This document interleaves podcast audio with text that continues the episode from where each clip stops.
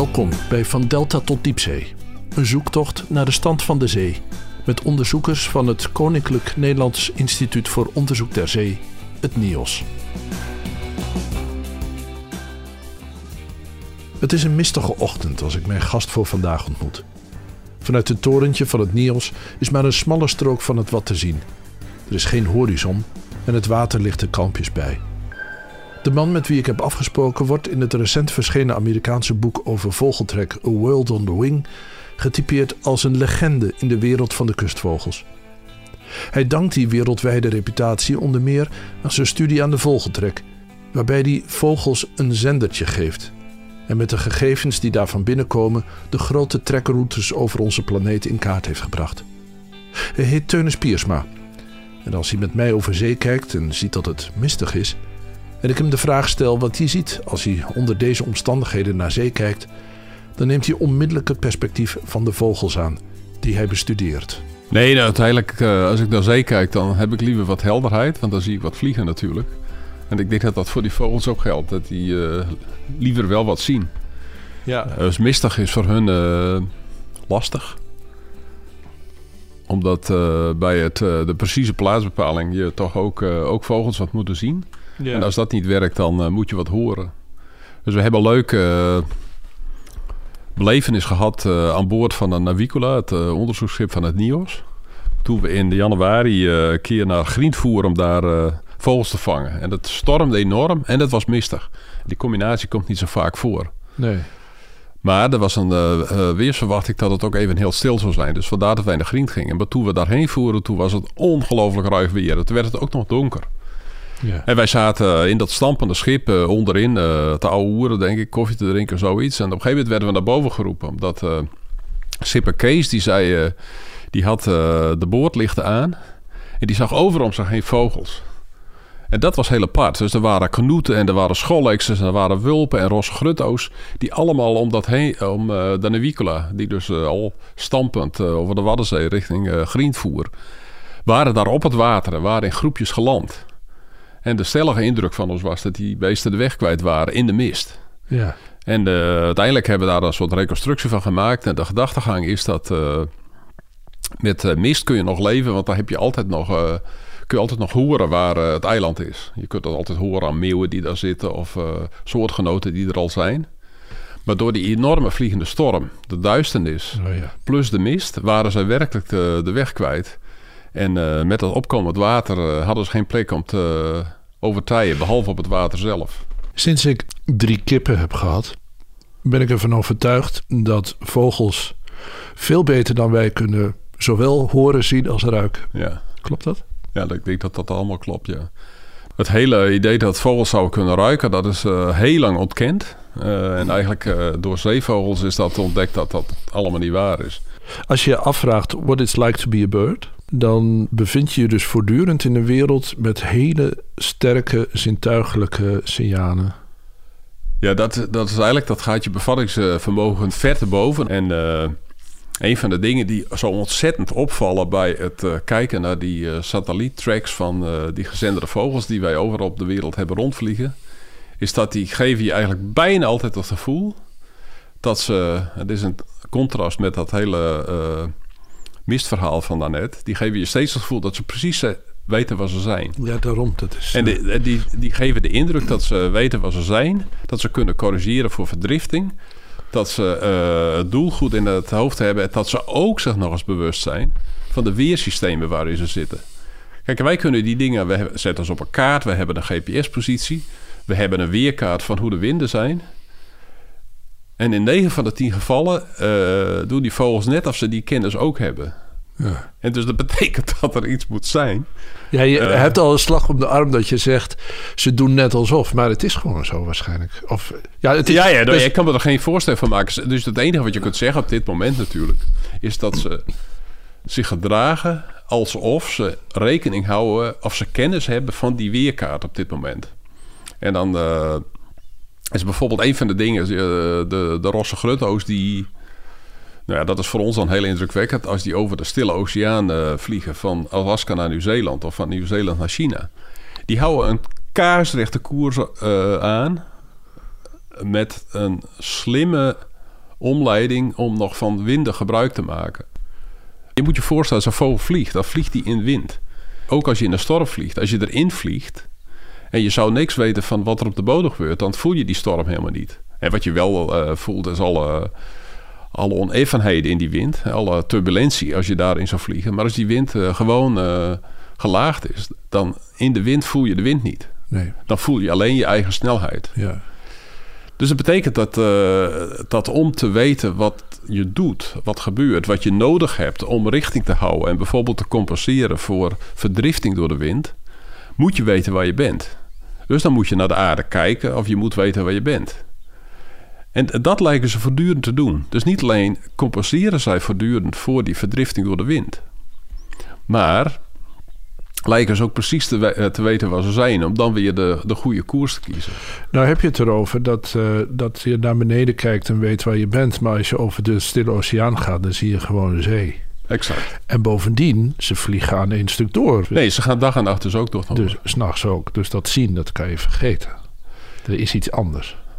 Ja, dus uh, nou ja, de, de, ik heb veel gelezen over de, over de oude Polynesiërs... die dan de Stille Oceaan... Uh, bevaren. Die, uh, die konden ook heel ver. Die konden dingen met. Die koersten op golfslag. Die koersten op sterren trouwens heel veel. koersten op de positie van de ondergaande zon. En koersten uiteindelijk om in te zoomen naar de plekken waar ze moesten zijn. Ook op de, op de vogels. Ah. Maar die lui die hadden twintig jaar nodig om een goede navigator te zijn. Dat is nog steeds bekend. Ah, ja. Dus je begon op tienjarig jo jongetje, zal het vreselijk geweest zijn. En op je dertigste was je voor het eerst een onafhankelijke navigator. Dus je had twintig jaar nodig om dat te leren. Toen jij begon met studeren, dat, wat, wat was dat? Begin jaren 80 of zo? Uh, uh, nou, het was al in het uh, midden jaren 70, nee, 76. Ben je al zo oud? Man. Ja, zo ja. oud al. Ja. Ja. Toen koos je voor vogels en ik neem aan dat er ook aandacht was voor de vogeltrek. Nu ben je zoveel jaren verder.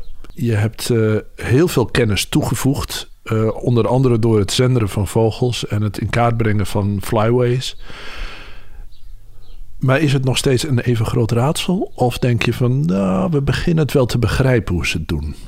Kijk, we weten ongelooflijk meer als toen. Toen uh, stonden we echt aan het begin van de, van de beschrijving. Bijvoorbeeld in 1976 was uh, de grote overwinteringsplek. Ik noem maar een van de dingen uh, van steltlopers in Noordwest-Australië. Daar waar we nu een heleboel werk hebben gedaan. Die was nog niet eens in kaart gebracht. Dat wisten we gewoon helemaal niet. De Bank d'Arguin in Mauritanië was nog niet geteld. Dat wisten we ook niet. De Waddenzee was net beschreven. de trekroutes waren heel vaag, zeg maar. Dus er is ongelooflijk veel beschrijvende kennis bijgekomen. Er zijn ook heel veel dingen veranderd al in die 40 jaar. Dat is ook ongelooflijk. Hè? De populaties zijn eh, heel veel kleiner geworden. Uh, er zijn een paar die zijn een beetje groter geworden. Er is een enorme dynamiek. En zelfs de verspreiding is veranderd in die 40 jaar. Daar weten we nu iets van. Dus dat is allemaal enorm veel groter. Door die uh, beschrijving met die zenders zijn we veel dichter bij die vogels gekomen. En daar juist op dat vlak is de verbazing alleen maar vele van groter geworden. Ja, we ja, weten dus, meer, maar we begrijpen minder. Ja, ja dus, dus je, je weet meer wat er gebeurt, maar je weet nog, omdat je zoveel meer weet van wat er gebeurt, weet je eigenlijk zoveel minder van waarom het en hoe, hoe het kan dat het er gebeurt. En precies. Ja, ja. ja. A World on the Wing. Um, dat is een, een, een, boek eh, dat recentelijk is uitgekomen, wat ook heel erg gaat over precies jouw expertise, namelijk het trekken van, uh, van vogels over de hele planeet. Dat boek dat opent met prachtige scènes over de enorme hoeveelheden trekvogels die over ons heen vliegen terwijl wij liggen te slapen. Ja, kijk, dat is natuurlijk wel een, een fenomeen wat je ook, ook hier kan ervaren. Uh, al was het maar om ineens weer de trekkers uit Afrika terug te zien in je tuin. De spotvogel of de grauwe vliegenvanger of de, de, de zwaluw, wat simpeler beest, of de braamsluiper. Die zijn er ineens weer. Ja. Uh, als je in een gelukkig platteland woont, dan zitten die niet in jouw tuin, maar dan zitten die ook bij de buren en dan zitten die ook in het volgende dorp. Dus dat is al behoorlijk massaal. En dat komt ineens, komen die beesten, die zijn er. Ja. Als je daar dat laat bezinken en daarover nadenkt, dan betekent dat dat er een massa vogels uh, deze kant op moet komen. En dat laat men tegenwoordig zien met radar en ook natuurlijk met, uh, met trackers en zo. En dat gebeurt dus ook op hele grote hoogte. Dat is iets wat we ook ontdekken. Dus er is eigenlijk een massieve uh, beweging die zich in de lucht afspeelt. Waar, waarvan je op grondniveau dan nu en dan wat ziet. En als je het hebt over grote hoogte, wat bedoel je dan? Nou ja, de gedachtegang was dat eigenlijk alle tracks zich wel binnen een kilometer boven het aardoppervlak uh, afspeelden. In ieder geval binnen twee kilometer. Dus eigenlijk in de zone uh, waar wij het weer ervaren, de hele dynamische zone. En dat uh, vliegen boven twee kilometer, dat dat een uitzondering was. En nu er instrumentjes aan vogels gehangen worden waarmee je die hoogte heel goed meet, zijn er steeds meer gevallen. Er komt een aantal publicaties. Er was één in Science vorige week en er komt er een in Current Biology uh, over twee weken. Waarbij vogels dus veel hoger vliegen. En dat hadden we zelf al met grutters ontdekt. Dat die tot hoogtes van, dat geval 6,5 kilometer vlogen. Uh, maar uh, nu gaat het om poelsnippen die op hoogtes van 8,5 kilometer vliegen. Omdat ze daar de wind mee hebben?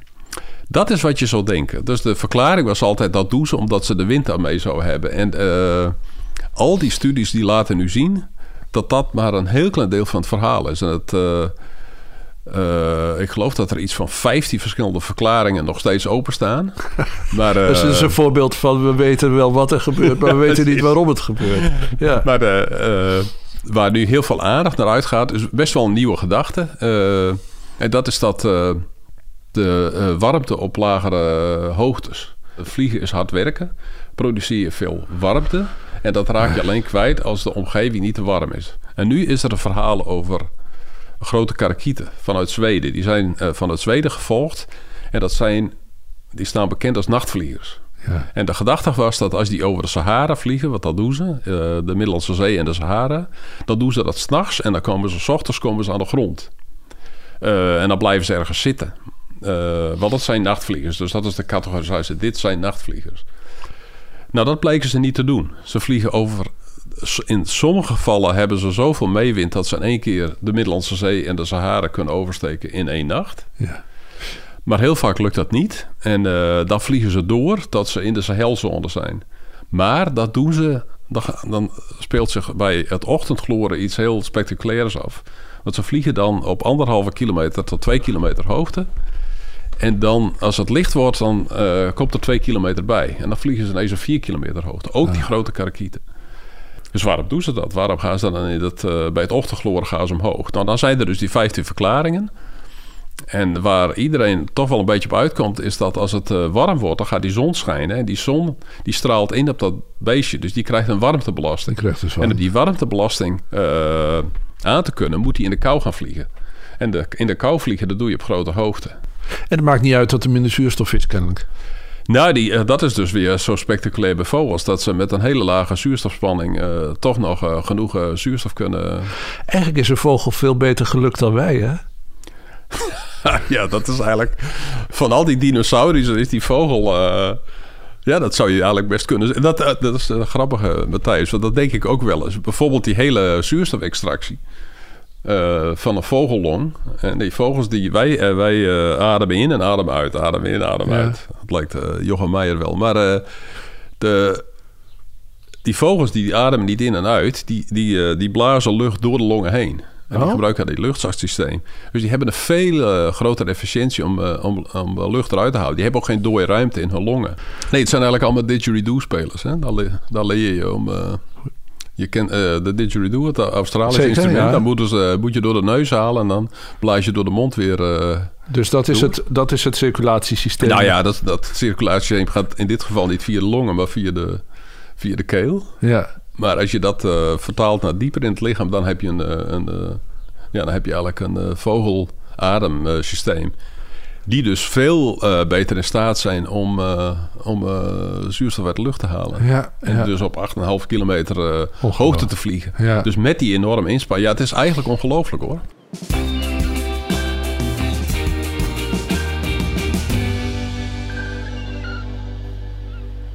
Als je uit het ei komt, weet je dan waar je naartoe moet of leer je waar je naartoe moet? Er zijn dus honkvogels waarvan de ouders eerder weggaan dan de, dan de Maar dat betekent nog steeds niet dat ze niet kunnen leren. Dat betekent alleen dat de ouders eerder weggaan. Want dat is heel algemeen, hè, dat de ouders eerder weggaan. Dus die steltlopers is het uh, eigenlijk altijd zo... dat de ouders eerder weggaan dan de jongen. En toen hebben alle biologen gezegd... dus is het erfelijk. En ik geloof er zelf helemaal geen moer van, eerlijk Oh. gezegd, dat dat zo is. En we hebben met de grutto's met de hand eh, grootgebracht. En het aardige van grutto's is dat dat wilde vogels blijven. Dus dat blijven Ah, ja. hele wilde grutto's. Dan hebben we beesten eh, losgelaten hier in Friesland. Dus Friese grutto's met Friese ouders uit Friese eieren, die laat je in Friesland los. En inderdaad, die doen wat Friese grutto's doen. Dat kunnen we dan volgen, omdat we ze zenders op hebben. Ja.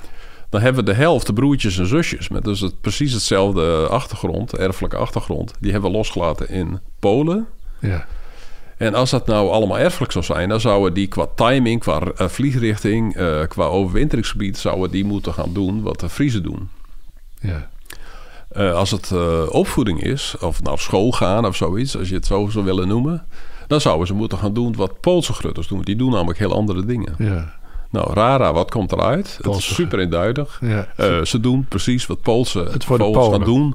Ook al worden ze daar op behoorlijk hoge leeftijd nog heen gebracht. ja. Als het niet de ouders of de pleegouders of van wie leren ze het dan? Nou, kijk, er zijn natuurlijk altijd eh, late, late vogels, beesten die, eh, Oh, die, die een tweede broedsel hebben gemaakt. Dat is één mogelijkheid. Kunnen ze het ook van andere soorten leren, denk je? Dit is wat we ook denken. Ze kunnen ook van andere soorten leren. Ja, ja. Ze leven natuurlijk in een ongekend informatielandschap waar we geen idee van hebben. Want trek is nooit een geïsoleerd fenomeen. Nee. Dus op het moment dat er een trek naar Afrika is, dat is geconcentreerd in de tijd, niet super geconcentreerd, maar er is altijd informatie. Dus die goede oren van jouw kippen, die gebruiken ze natuurlijk ook tijdens de trek. Ja. Wij denken sterk dat die Poolse grutto's, die zagen we heel veel in gezelschap van kemphanen. Die zaten op dezelfde plekken. En die kemphanen die overwinteren in dezelfde plekken als die grutto's in het eh, Lake Tjaat en zoiets in de, de zuidelijke Sahelzone, maar dan in Centraal-Afrika. Daar gaan die Polen heen. Dus een, een, jonge grutto, als die meevliegt met kemphanen, dan komt hij daar gewoon terecht. Ja. Stel nou dat we, ehm, dat we van het ene op het andere moment een ding op ons hoofd zouden kunnen zetten. dat we de input krijgen van een vogel. Ik kan me voorstellen dat je daar wel eens naar verlangt. Dat dat zou kunnen. Eh, Wat ik ten diepste probeer te doen, is precies dat eh, wat je net beschrijft. Je weet natuurlijk dat dat helemaal niet kan. Eh, het is ook heel interessant. Ik ben op dit moment ongelooflijk geïnteresseerd in geluid. terwijl ik zelf stokdoof geworden ben. We zijn stekenblind. We horen niks. En we kunnen al die dingen die die vogels kunnen, die kunnen we niet aanvullen. Dus het maakt helemaal geen moer uit of je stokdoof bent. Dan heb je hulpmiddelen nodig. Maar om je in te kunnen leven in die drieteen, of de rosgrutto of de knoet, moet je sowieso allemaal kunstgrepen eh, toepassen. En het aardige weer, het zijn natuurlijk wel gewoon eh, warmbloedige vertebraten, zoals wij. Dus er zijn ook heel veel dingen die, eh, die niet zo verschillend zijn. Jij zegt, ik probeer me voor te stellen wat het is om een vogel te zijn. Ja, dat is, een- dat is, om- dat is natuurlijk pu- pure fascinatie. Het is ook iets, een trucje wat je nodig hebt om goed onderzoek te doen. Ja. Als je op het wat loopt, probeer je voor te stellen wat het is om als kanoet in een groep te lopen. Om, om iets van hun belevingswereld eh,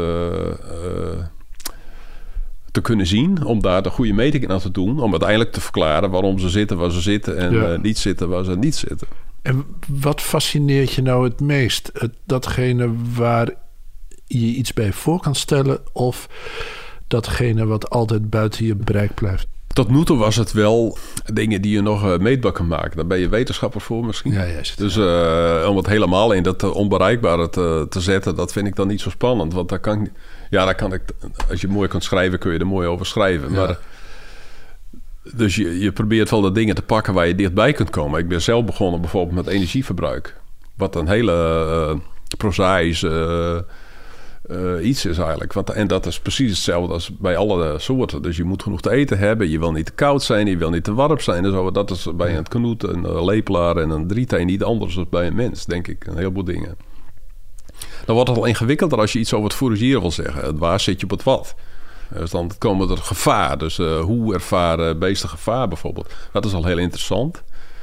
Uh, want dat kunnen wij ons nauwelijks voorstellen. Wat, wat het is om altijd in gevaar te, oh, ja. te zijn. Ja. Maar de, je moet je voorstellen, hoe kleiner een vogel is, hoe meer die moet leven met de kans om ieder moment opgevroten te worden door die havik uh, of door iets anders. Ja. Dus daar wordt die wereld heel anders van natuurlijk. Dus, daar, en dus daar probeer je dan in in te leven. Maar dat is nog steeds pakbaar. Daar kun je experimenten over doen. Maar nu met dat meereizen met die vogels komt er natuurlijk weer dingen in beeld die ook weer aan het randje van het begrip zitten. Nou ja, het is aan de ene kant magisch, maar het is ook nog grijpbaar om dat proberen ja, eigenlijk in woorden te vatten toch uiteindelijk. Nou, daar, is, daar zit misschien het probleem dat je het moet uitdrukken in een soort bemiddelingstaal tussen, tussen mens en beest. Dat, in, in berekeningen bijvoorbeeld, in wiskunde, in getallen. Terwijl die vogel die doet gewoon wat, mm, wat logisch voelt, denk ik. Ja, maar is dat niet het leuke uh, van een mens zijn? Uh, en ik zeg niet, trouwens hiermee ontken ik niet dat uh, andere dieren dat niet kunnen hoor. Maar een van de leuke dingen om een cultuurbeest te zijn, zoals wij dat beogen, is, is dat beschouwende. Dat, dat zie ik als, ja. als een van de. nou ja, dat is natuurlijk wat ik 100% probeer te doen. Ja. je beschouwt. En de, de vogels die dat werk doen, eh, ik neem in ieder geval aan dat ze niet veel tijd voor beschouwing hebben. Niet de luxe hebben om te kunnen beschouwen. Nee. Maar is, heb je wel eens een gevoel gehad van wederzijdse interesse? Of is het zo dat de vogel die jij bestudeert zich helemaal niks aan je gelegen laat liggen? Dat je er net zo goed niet had kunnen zijn? Nou, dat is denk ik in uh, de meeste gevallen is dat zo, ja. Dat je net goed niet zou kunnen. En in een afhankelijkheidsrelatie natuurlijk dan wordt het denk ik anders. Dit is een leuke vraag. Of dit is wat de categorie goede vraag. Daar heb ik niet zo goed antwoord op. Dus het zit hem in een afhankelijkheidsrelatie. Ik denk dat me, be, uh, beesten je meestal niks van, van je aantrekken. Je hebt mensen die de vogels voeren. Ja, daar hoor uh, ik dus zelf ook bij. Je hebt ook uh, geschreven over de zwaluwen rond je huis. En uh, ik weet dan toevallig dat je ook uh, heel veel, een, hele schade aan families mussen om je huis hebt. Die je ook, zeg maar, daadwerkelijk ja. voert. Daar ook in investeert. En die evenals jouw kippen ons bij de les houden. Ja, dus want die weten je... hoe jij je gaat gedragen. Oh ja, ja, ja. Dus het morgen, s ochtends als de gordijnen open gaan, dan zie je de mussen al richting voerplek koers. Dus die houden jou in de gaten. Die houden ons ontzettend in de gaten.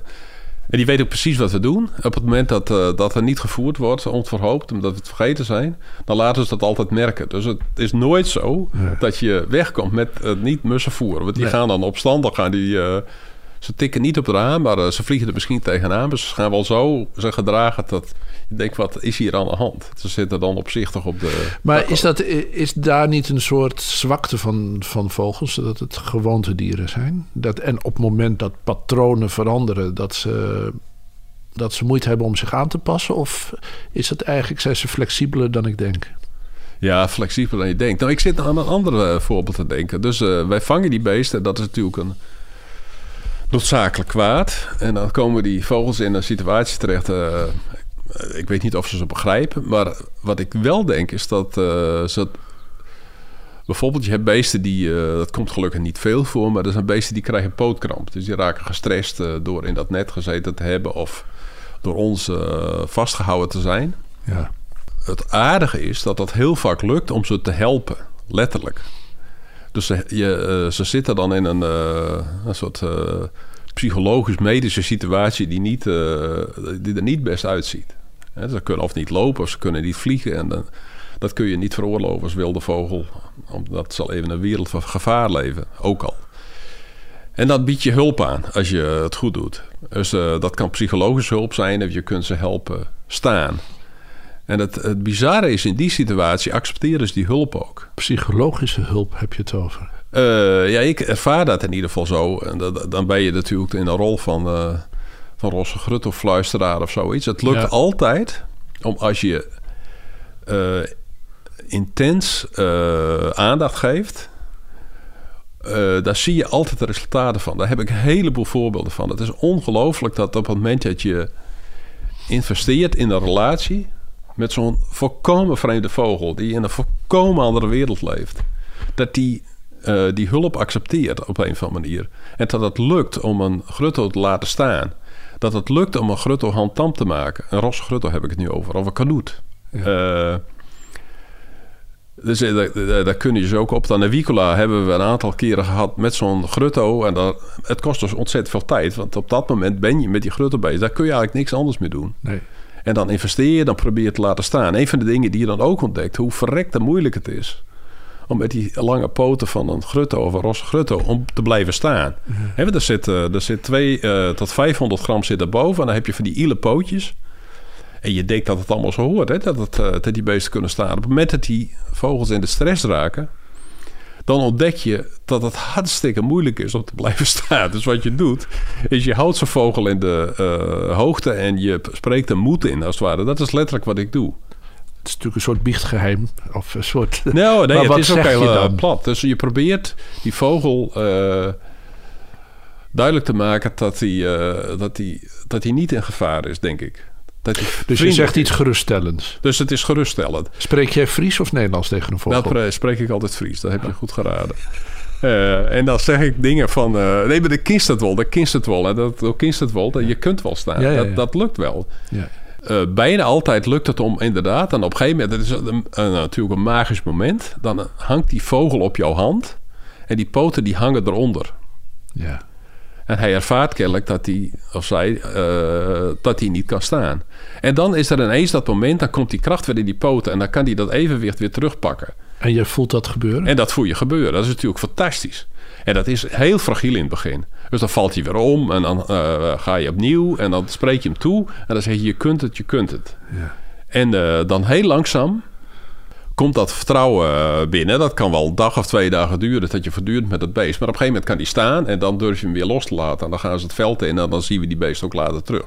Dat is natuurlijk fantastisch. Daar ben je dus een paar dagen bezig geweest met één vogel. Dan ben je dus een paar dagen bezig. En dan relateer je in die tijd, relate- relateer je aan die vogel. En dan heb je het gevoel dat die, er is iets van reciprociteit. Dus die, Ja, oké, wat is die reciprociteit? Want, eh, want jij leert ook iets over de vogel in die twee dagen. Ja, dus dat is een van de dingen die... eh, kijk, als wij een hand uitsteken, bijvoorbeeld in een kistje... eh, om een vogel eruit te halen... dan is dat eigenlijk een havik die... eh, Ja. zo, zou, dat, dat, zo bedenk ik dat die vogel dat ervaart... als een havik die in dat... een klauw die in dat kistje komt en die pakt die vogel. Nou, in dit geval gaat er niks fout. Dus het is altijd belangrijk om zo'n beest te leren... dat die hand dat die niet gevaarlijk is. Ja. En waarom is dat belangrijk? Omdat in de tijd dat die, het, zeg maar de tweede deel van het eh, revalidatietraject... zet je uiteindelijk de vogels wel terug in het kistje. Maar je wil niet dat hij iedere keer die hand weer ervaart als stressvol. Tuurlijk. Eigenlijk lukt het steeds om die hand vriendelijk te laten worden. Dus de, dat is echt ongelooflijk. Hoe doe je dat dan? Eh, ja, nou, dat is weer toespreken en erbij zijn en, Ja. eh, en eh, aandacht geven en eh, ja, vriendelijkheid zou ik haast zeggen. Ja. En dan lukt het om die... eh, dus eerst lig- liggen ze op die hand. En dan komt er een moment... En ik, ik aai ook vaak de veren wel. Ah. En ik weet eigenlijk niet waarom ik dat doe. nee. Maar dat is een soort... eh, ja, dat is een soort poetsen... misschien is dat poetsen of zoiets. Dus ik aai zo'n vogel. Zo is Ja. een vogel zo aaien. Je kunt het. En ik strijk heel veel langs die... eh, langs de poten. En dan probeer je ook die hand... Die probeer je eh, vriendelijk te laten worden. Dus eerst door de hand naar de vogel toe te bewegen. En eh, eh, naar de kop de hand toe te bewegen. En dan vrij snel, dat binnen een uur, is er een moment... dan kan ik die hand zo naar die vogel toe bewegen. Zonder die verandert dat er hij- niet meer. Ah, ah. Ja, dat is natuurlijk een belangrijk moment weer. Omdat dan, dan, dan eh, hoop je dat die hand die straks dat kistje weer ingaat... om bijvoorbeeld los te laten... die beest niet meteen in de stress laat schieten. Nee, je bent echt van de school van een vogel leert. Dat is duidelijk. hè. Eh, hier ook. Ja, ja, dus dat- die leert iets vriendelijks en die leert daar zit iets tegenover me wat eh, aan me relateert. Dat, ja, dat voel je gewoon. Hè. Dat, eh, moet je dan in geloven. En het is ongelooflijk hoe, hoe aandacht vogels kan veranderen. Dus ik heb ook wel eh, gehad dat vogels te weinig aandacht kregen. Die zagen er vies uit, die aten niet en zo. En ik, nou gaat het anders. Nou ga ik tijd besteden. En binnen, het, het is echt ongelooflijk, binnen een, binnen een dag... eh, Zie je ze eh, opknappen? eh, ja, zijn ze schoon, gaan ze lopen, gaan ze eten. het lukt niet altijd hoor. Nee. En je weet natuurlijk niet wat ze, wat ze onder de leden hebben en dat soort dingen. Maar heel vaak lukt het ook wel.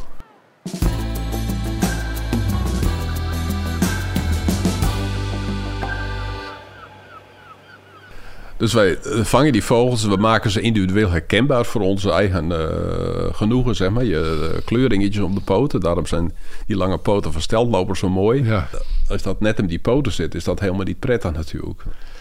En dat zie je in het begin ook. Dan uh, pikken ze erop. En datzelfde geldt voor als je zenders aanbiedt. Dat probeer je natuurlijk zo. En daar zijn we heel veel tijd mee kwijtgeraakt. Om het zo te maken dat die beesten daar geen last van hebben. Ja. Wat grappig is dan, dan kom je ze later in de tijd weer tegen. En dan is dat een onderdeel geworden van hun lijf. De ringen worden gepoetst. Uh, de zender wordt, uh, wordt gepoetst. Dus dat is een onderdeel van dat lijf geworden. Ja. En bij lepelaars, dus we hebben de, net dat boek gemaakt, Synagogue, over een lepelaar. En die Ja. lepelaars, ik weet niet of je dat gedrag kent, die poetsen elkaar. Ja. Dan zijn het net twee paarden die naast elkaar staan. En dan, en dan poetsen ze poetsen elkaar. Maar Ja. dan poetsen ze ook zeg, die bovenrug waar dat zendertje dan zit. Oh, ja. Dus vorig jaar eh, keken wij in Frankrijk naar eh Synagogue. Die daar met een vriend eh, stond, elkaar stonden te poetsen. En ik vond dat waanzinnig spannend. Of, die, of, die, of dat beest, wat hij met die zender ging doen. ja. Nou, helemaal niks. Nee. Dus dat was een onderdeel duidelijk van de, Ja. de partner die, die op dat moment eh, aan het poetsen was. Je hebt het over een vriend. Een vogel heeft een vriend. Ja, dat denk ik heel sterk, ja. Bij de lepelaars waar we nu eh, intensief aan het kijken zijn...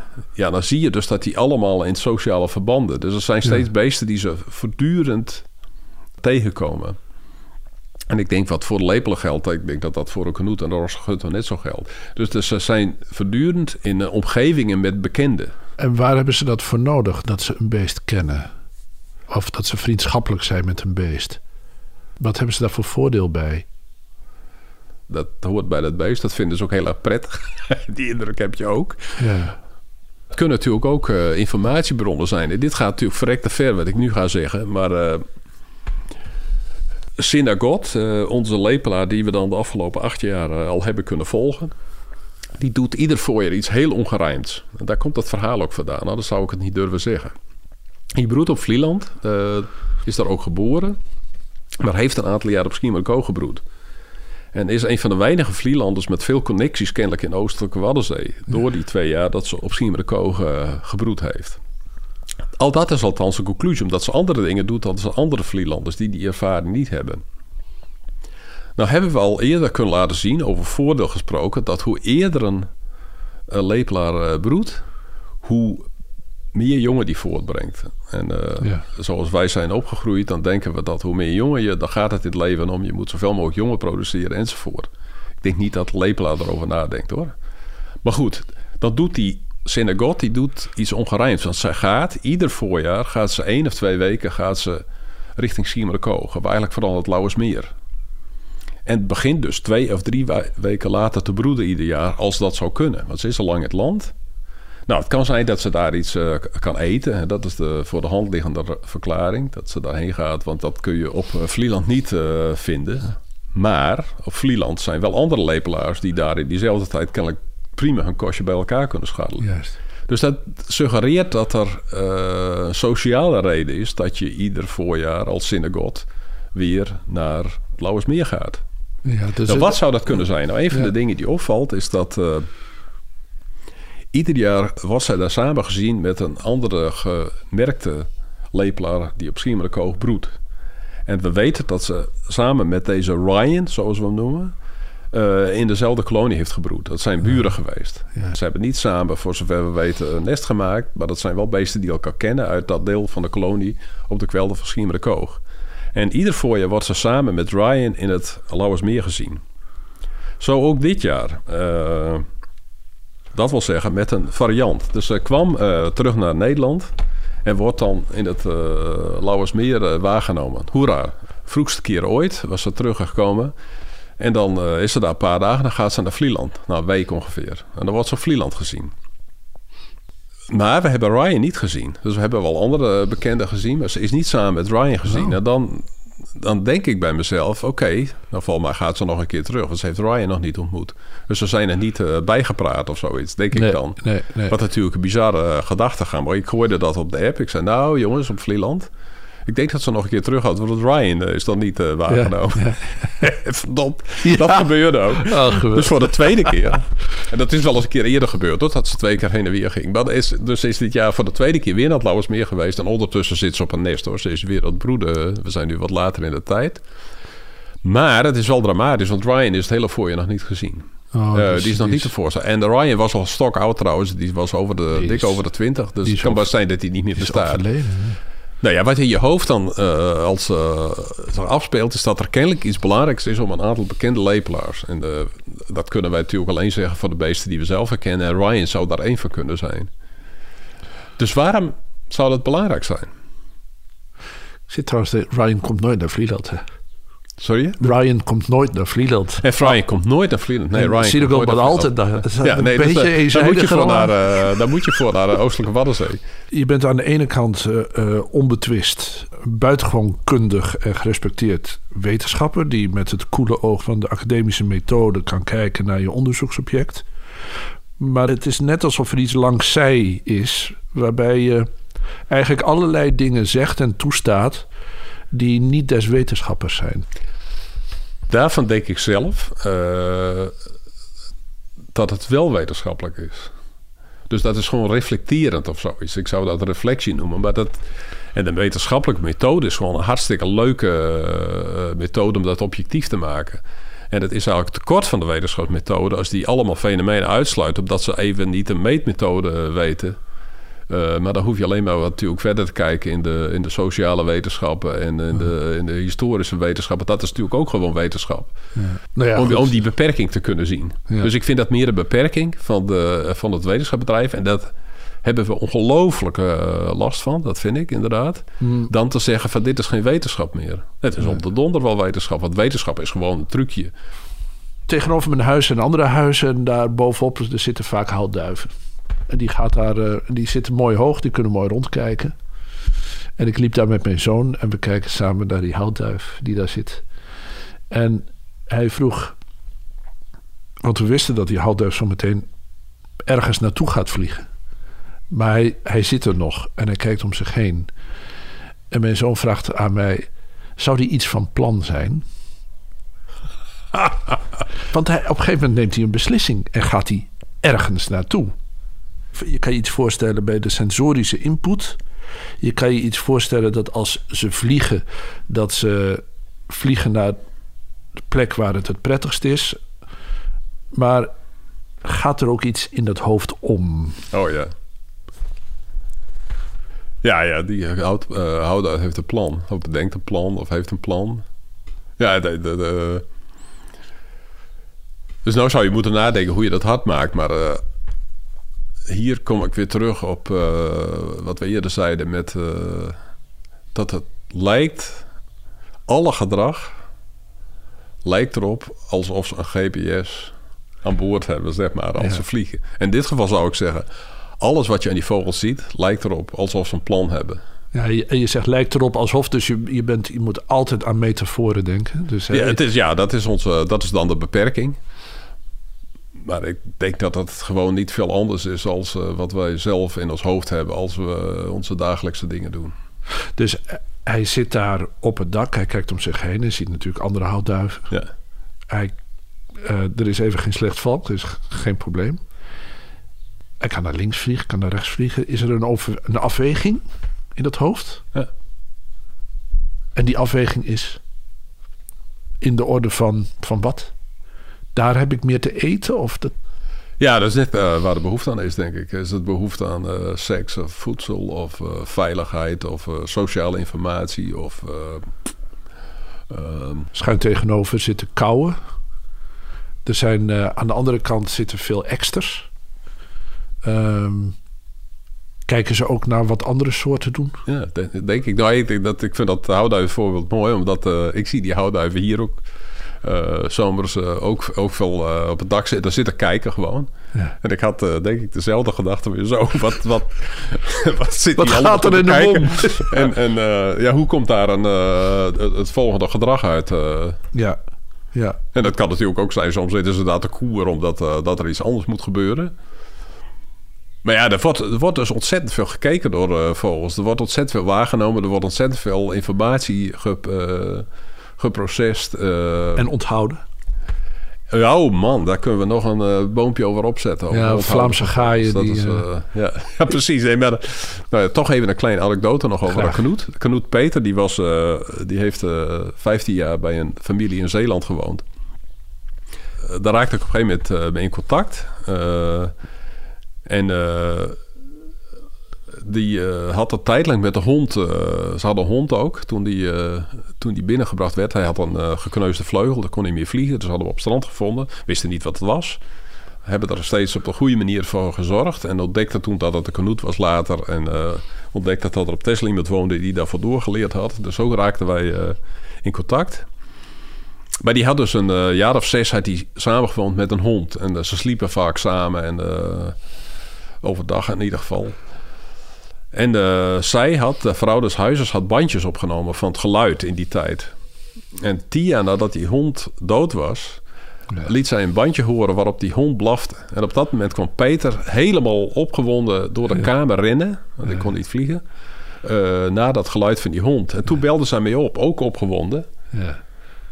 Van, nou is die hond, uh, ik geloof acht of tien jaar, uh, is die dood? En dan speel ik dat geluid aan van, dan komt Peter hier, die heeft het voor het eerst gehoord. Die komt er opgewonden op, op aflopen. Terwijl hij natuurlijk honden genoeg gehoord heeft in die tien jaar. Denk je dat hij zijn oude vriendje herkent? Uh, nou, toen zei ik tegen haar van, nou, je hebt, dat heb je net laten zien volgens mij. Ja, precies. Nog niet bij herhaling.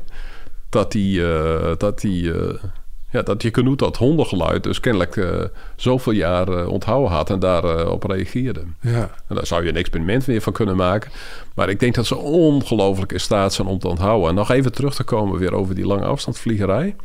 We hebben nu in Nieuw-Zeeland de eerste jonge Rosgrutto's, die zijn dus al een keer de Stille Oceaan overgevlogen. En die gaan nu voor het eerst gaan die naar het noorden trekken. En uh, dat lijkt ook weer een leerproces. Dat ziet eruit als een leerproces. Want die doen het namelijk niet zo goed als die oude beesten die we tot nu toe uh, gevolgd oh. hebben. Dus die uh, komen wel eens op verkeerde trek, plekken terecht. Die hebben wat andere routes. Dus ontzettend spannend uh, wat er zich afspeelt. Maar wat ik wil zeggen eigenlijk is dat, dus dat is een leerproces wat ze vervolgens moeten onthouden. Maar ja, dan overweldigt het mij weer hoeveel dingen ze wel niet moeten onthouden. We praten hier over uh, het bevliegen van de halve wereld, het leren van windsystemen. Uh, nou, het is echt ongelooflijk. Maar dat onthouden ze dus ook ontzettend goed. Waar zou je nooit achterkomen, wat tot je spijt? Oh ja, eigenlijk de meeste dingen. Oh. Dat is een beetje somber. Nee, nee, nee. Nou, zo voel ik dat helemaal niet. Maar uh, dus ja, ik, ik, dat, dat, nou ja, dat, dat woord overweldigend heb ik al een paar keer gebruikt. Maar dat voel ik uh, werkelijk zo. En natuurlijk door onze technologie en ook door de kwaliteit en het aantal mensen dat er nu aan werkt, is het een, ja, is een fantastische tijd om bioloog te zijn, moet ik zeggen. Ook een hele onheilspellende tijd, ja. wat er verandert. Dat het ook een fantastische tijd is, dat, is, dat hoor je niet vaak meestal. Of, of er heerst aan het eind van het gesprek een, een soort sombere ondertoon. Ja, nou, ik zeg niet dat ik super optimistisch ben, maar tegelijk denk dat we, als we beter naar die vogels luisteren, uh, dat, dat, uh, dat we daar zeer veel inspiratie, maar ook uh, heel veel hulp van kunnen verwachten. Ja. niet dat dat zo bedoeld is door die beesten, maar dat dat wel kan. Dat is een ander verhaal. Maar bij mij overheerst toch het gevoel van die, ja, de overweldigendheid. En dat, dat is natuurlijk ook de troost voor, voor iemand als ik. Om, om daar je in, in te kunnen leven en je te realiseren. Ja, op het moment dat je uh, op het moment je doodgaat, dan, dan is dat alleen nog maar groter geworden. Maar ik vind het wel geweldig om daar deelgenoot van te kunnen zijn en soms een kleine bijdrage te kunnen leveren. Dat ja, en, en, dat er een vogel naar je genoemd is natuurlijk ook niet, uh, niet zo erg. Of uh, heb je daar... Ja, dat daar is eigenlijk nog klein grut eigenlijk, vergeleken met die overweldigende wereld. Ja, waar, en, en het is, de vogels die hebben de inslag van een grote komeet overleefd, dus ze kunnen wel wat hebben. En ze kunnen wel wat hebben, ja. ja. Dus, dankjewel. Gedaan.